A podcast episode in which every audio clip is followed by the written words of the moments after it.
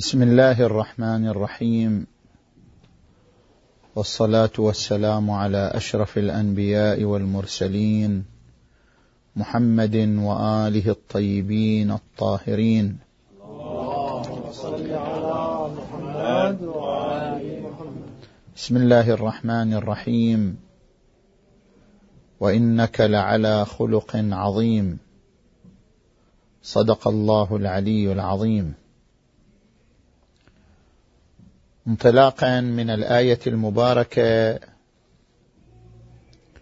نتحدث في نقاط ثلاث. النقطة الأولى في تحليل ماهية الخلق. الخلق الجميل كالصدق كالأمانة كالإحسان. ما هي ماهيته وما هي حقيقته؟ هنا عندنا ثلاث نظريات في تحليل ماهية الخلق. النظرية البيولوجية والنظرية الحيادية والنظرية الجمالية. النظرية البيولوجية تركز على أن البنية البيولوجية للإنسان هي التي تحدد شخصيته وهي التي تحدد خلقه وهي التي تحدد سلوكه. فهذا الإنسان غضوب لا يمكن أن يكون حليما. بخيل لا يمكن أن يكون كريما.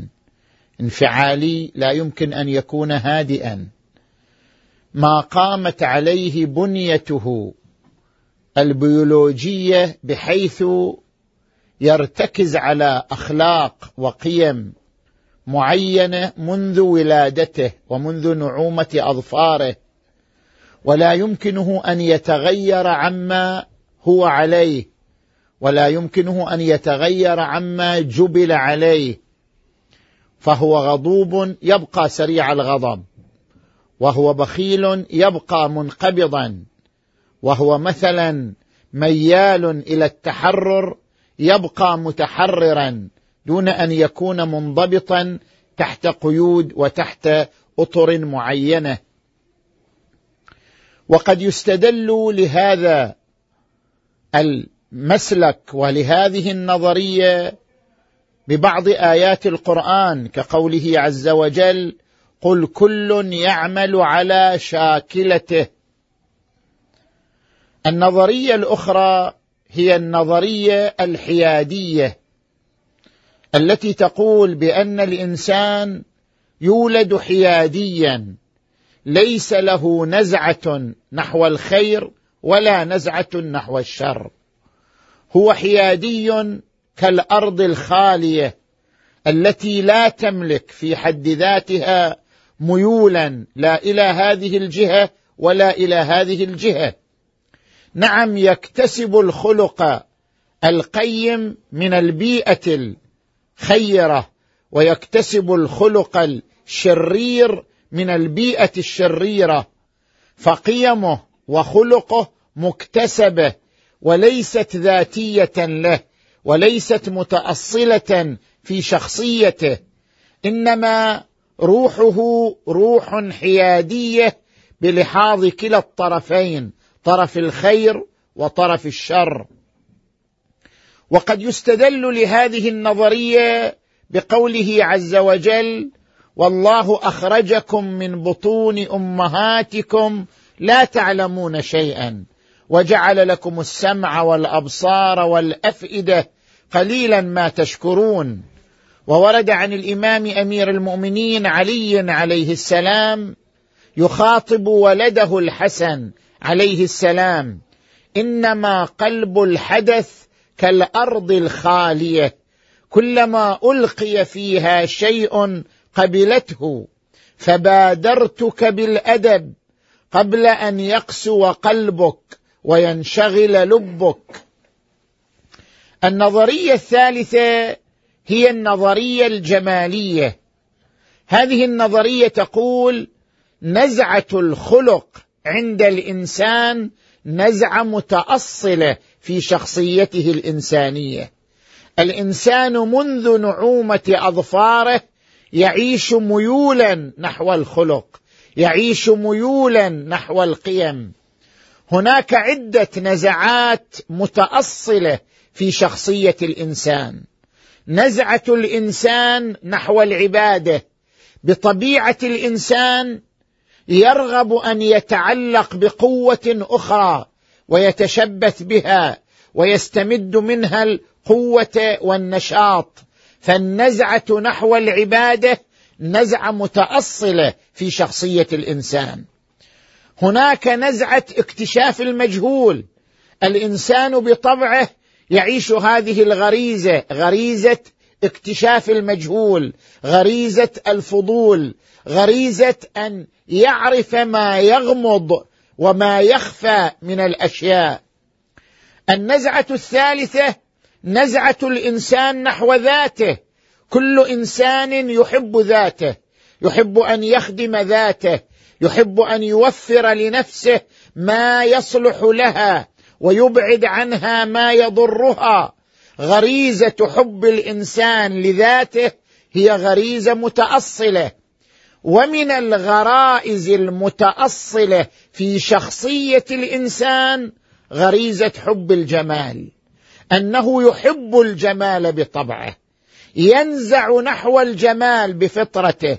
يملك ميولا تشده نحو الجمال. الجمال هو تناسق الأجزاء سواء كان تناسقا خلقيا أو تناسقا خلقيا.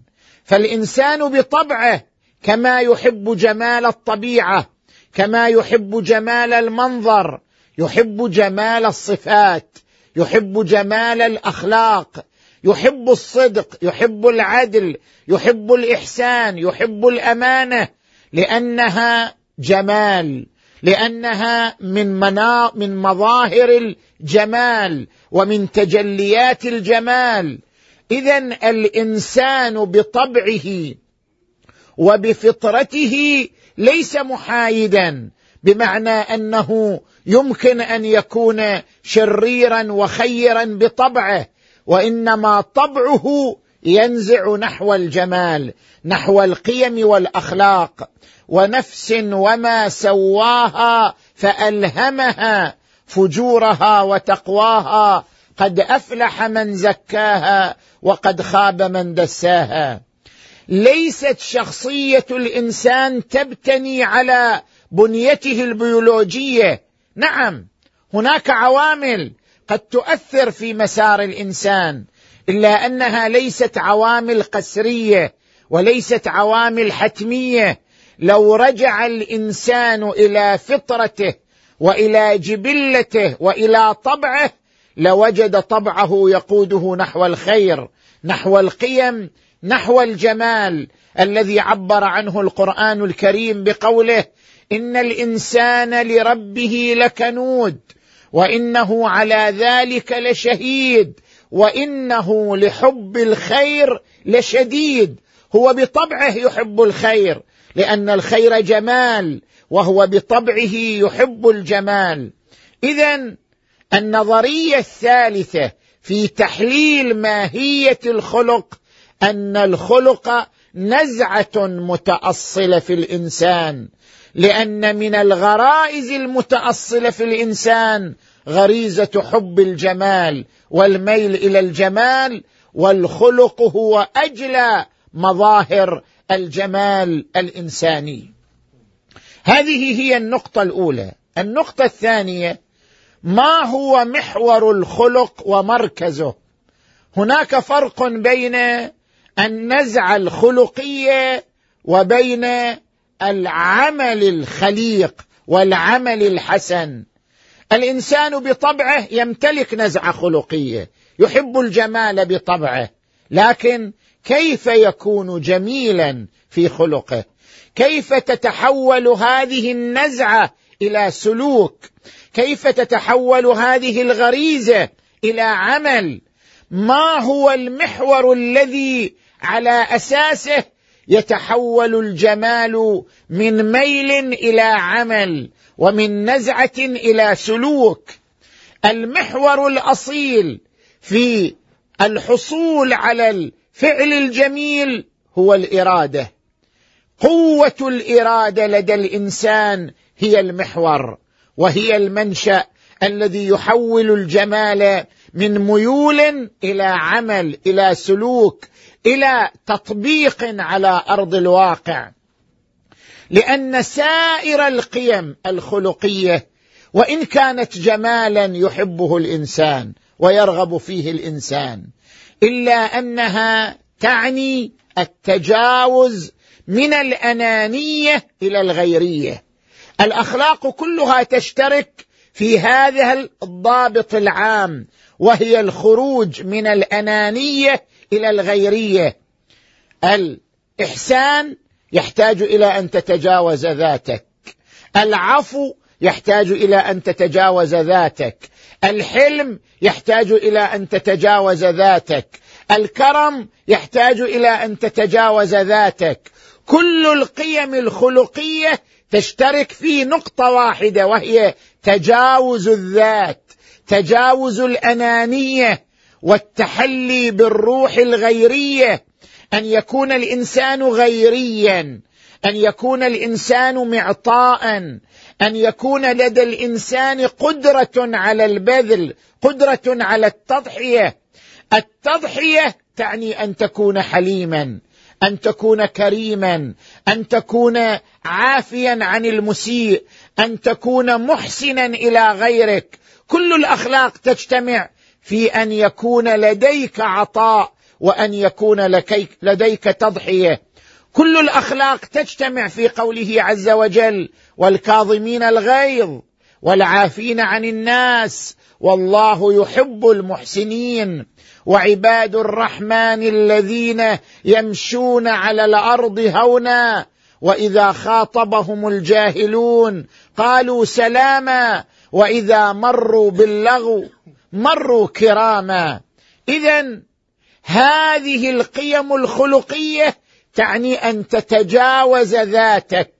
ولا يمكن للإنسان أن يتجاوز ذاته إلا إذا ملك الإرادة. الإرادة هي محور شخصية الإنسان. الإنسان الذي ينساب لانفعالاته ويستجيب لغرائزه ويميل إلى طبعه وشهوته. لا يختلف عن غيره من الحيوانات. لا يختلف عن غيره من الكائنات. إنما يتميز الإنسان على غيره إذا كانت له إرادة يقف بها أمام انفعالاته أمام غرائزه أمام شهواته.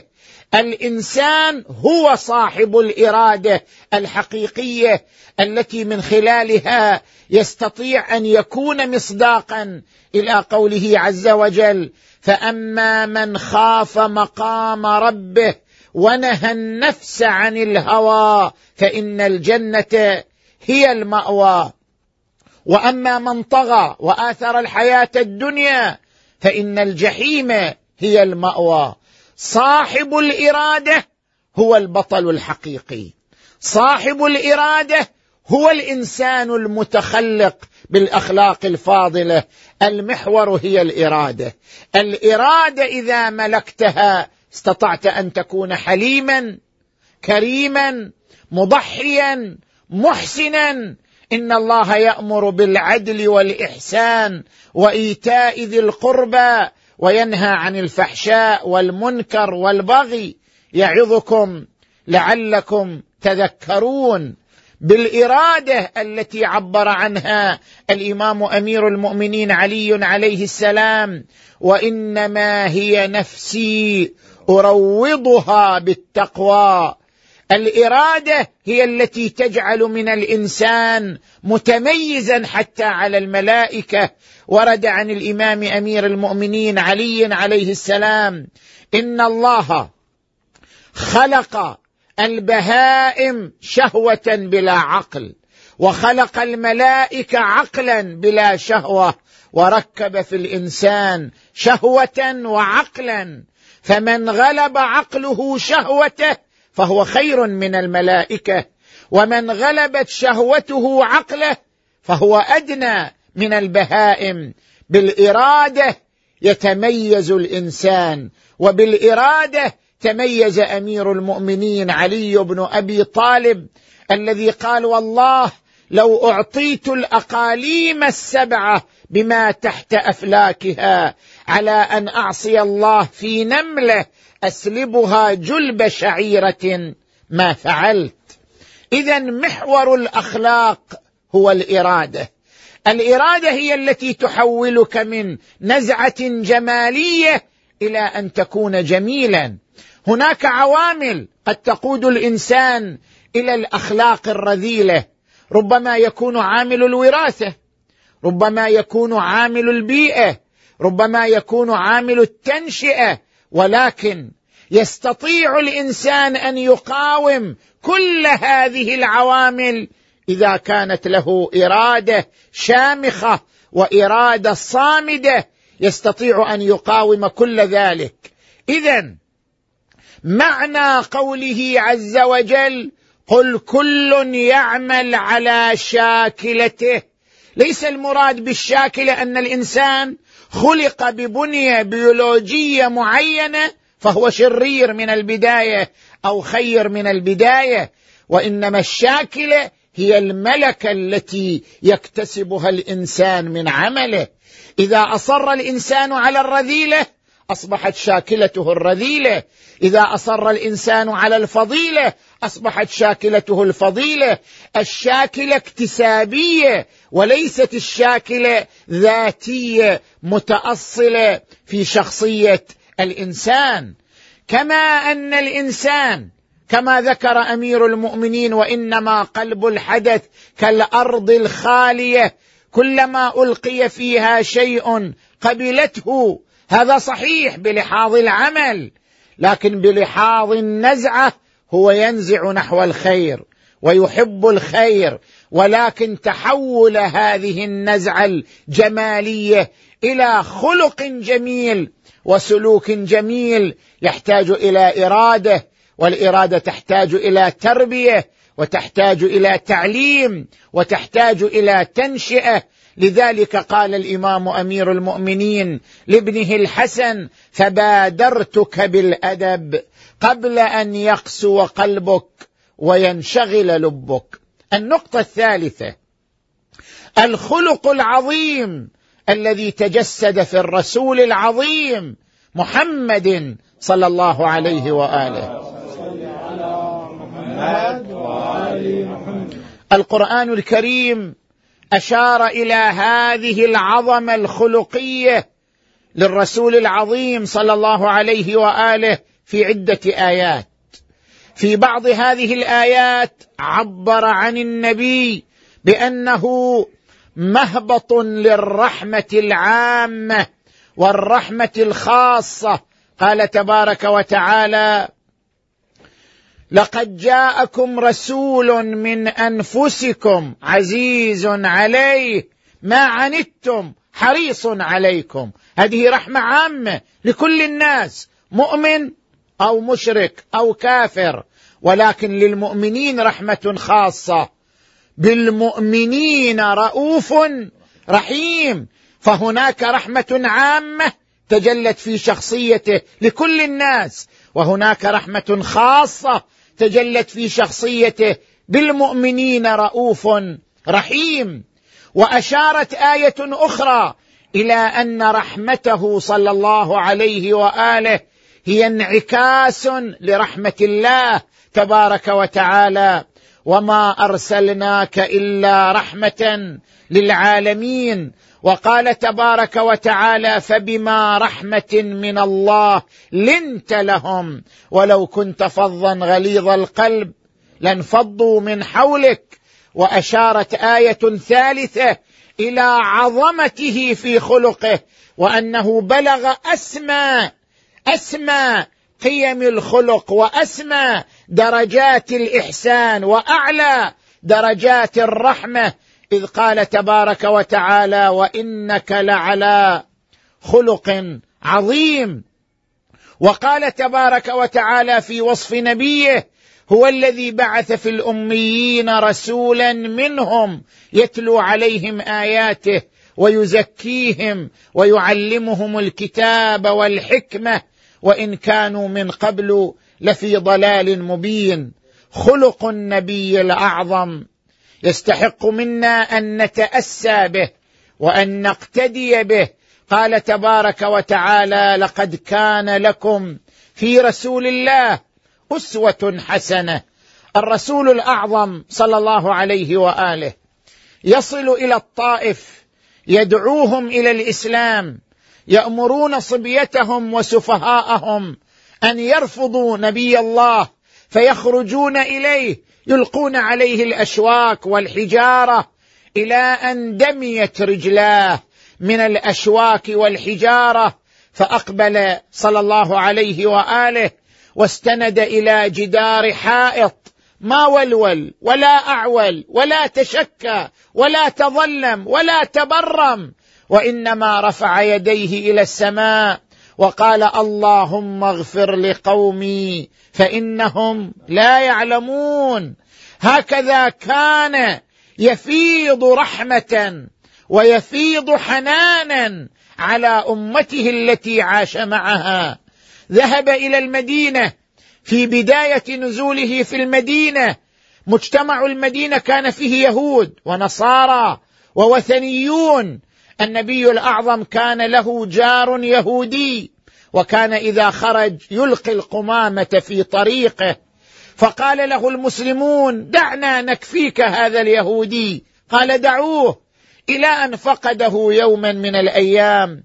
فقال أين الرجل اليهودي؟ قالوا إنه مريض. فأقبل إليه يطرق باب بيته ودخل عليه. يمازحه ويبتسم له ويعوذه في مرضه. فلما رأى اليهودي ذلك الخلق العظيم قال الله أعلم حيث يجعل رسالته أشهد أن لا إله إلا الله وأنك رسول الله الرسول الأعظم. الرسول الأعظم صلى الله عليه وآله إذا خرج مع أصحابه قال بعضهم نحتاج إلى الطعام. فيقول أحدهم علي ذبح الشاة ويقول الثاني علي سلخها ويقول الثالث علي طبخها ويقول النبي صلى الله عليه وآله وعلي جمع الحطب. قيل أنا نكفيك ذلك يا رسول الله. قال علمت أنكم تكفونني. ولكني أكره أن أتميز عليكم. وكان إذا جلس بين أصحابه جلس في حلقة دائرية كجلسة أحدهم كي لا يتميز عليهم. وكان يفيض الرحمة والحنان على الجميع. إذا مر بالصغار وهم يلعبون بادرهم بالسلام. وإذا مر بهم قبلهم ورأى يوما ولده الحسين بن علي يتعثر فحمله وشمه وضمه فقال له أحد أصحابه إن لي ولدا ما قبلته منذ كذا. قال من لا يرحم لا يرحم إن هذا ولدي حسين أحبه فأحب من يحبه فأحب من يحبه. يا رب العالمين هكذا كان رسول الله صفحة رائعة من الرحمة. وهكذا كان رسول الله منبعا فياضا للخلق العظيم. وهكذا كان رسول الله مجلى لرحمة الله تبارك وتعالى. وما أرسلناك إلا رحمة للعالمين. نسأل الله تبارك وتعالى أن يجعلنا من المحمديين. السائرين على نهج محمد وآله الطيبين الطاهرين ومن المتأسين بقيمه وفضائله صلوات الله وسلامه عليه وآله وأن يرزقنا في الدنيا زيارته وفي الآخرة شفاعته والحمد لله رب العالمين والصلاة والسلام على أشرف الأنبياء والمرسلين محمد وآله الطيبين الطاهرين. الله على محمد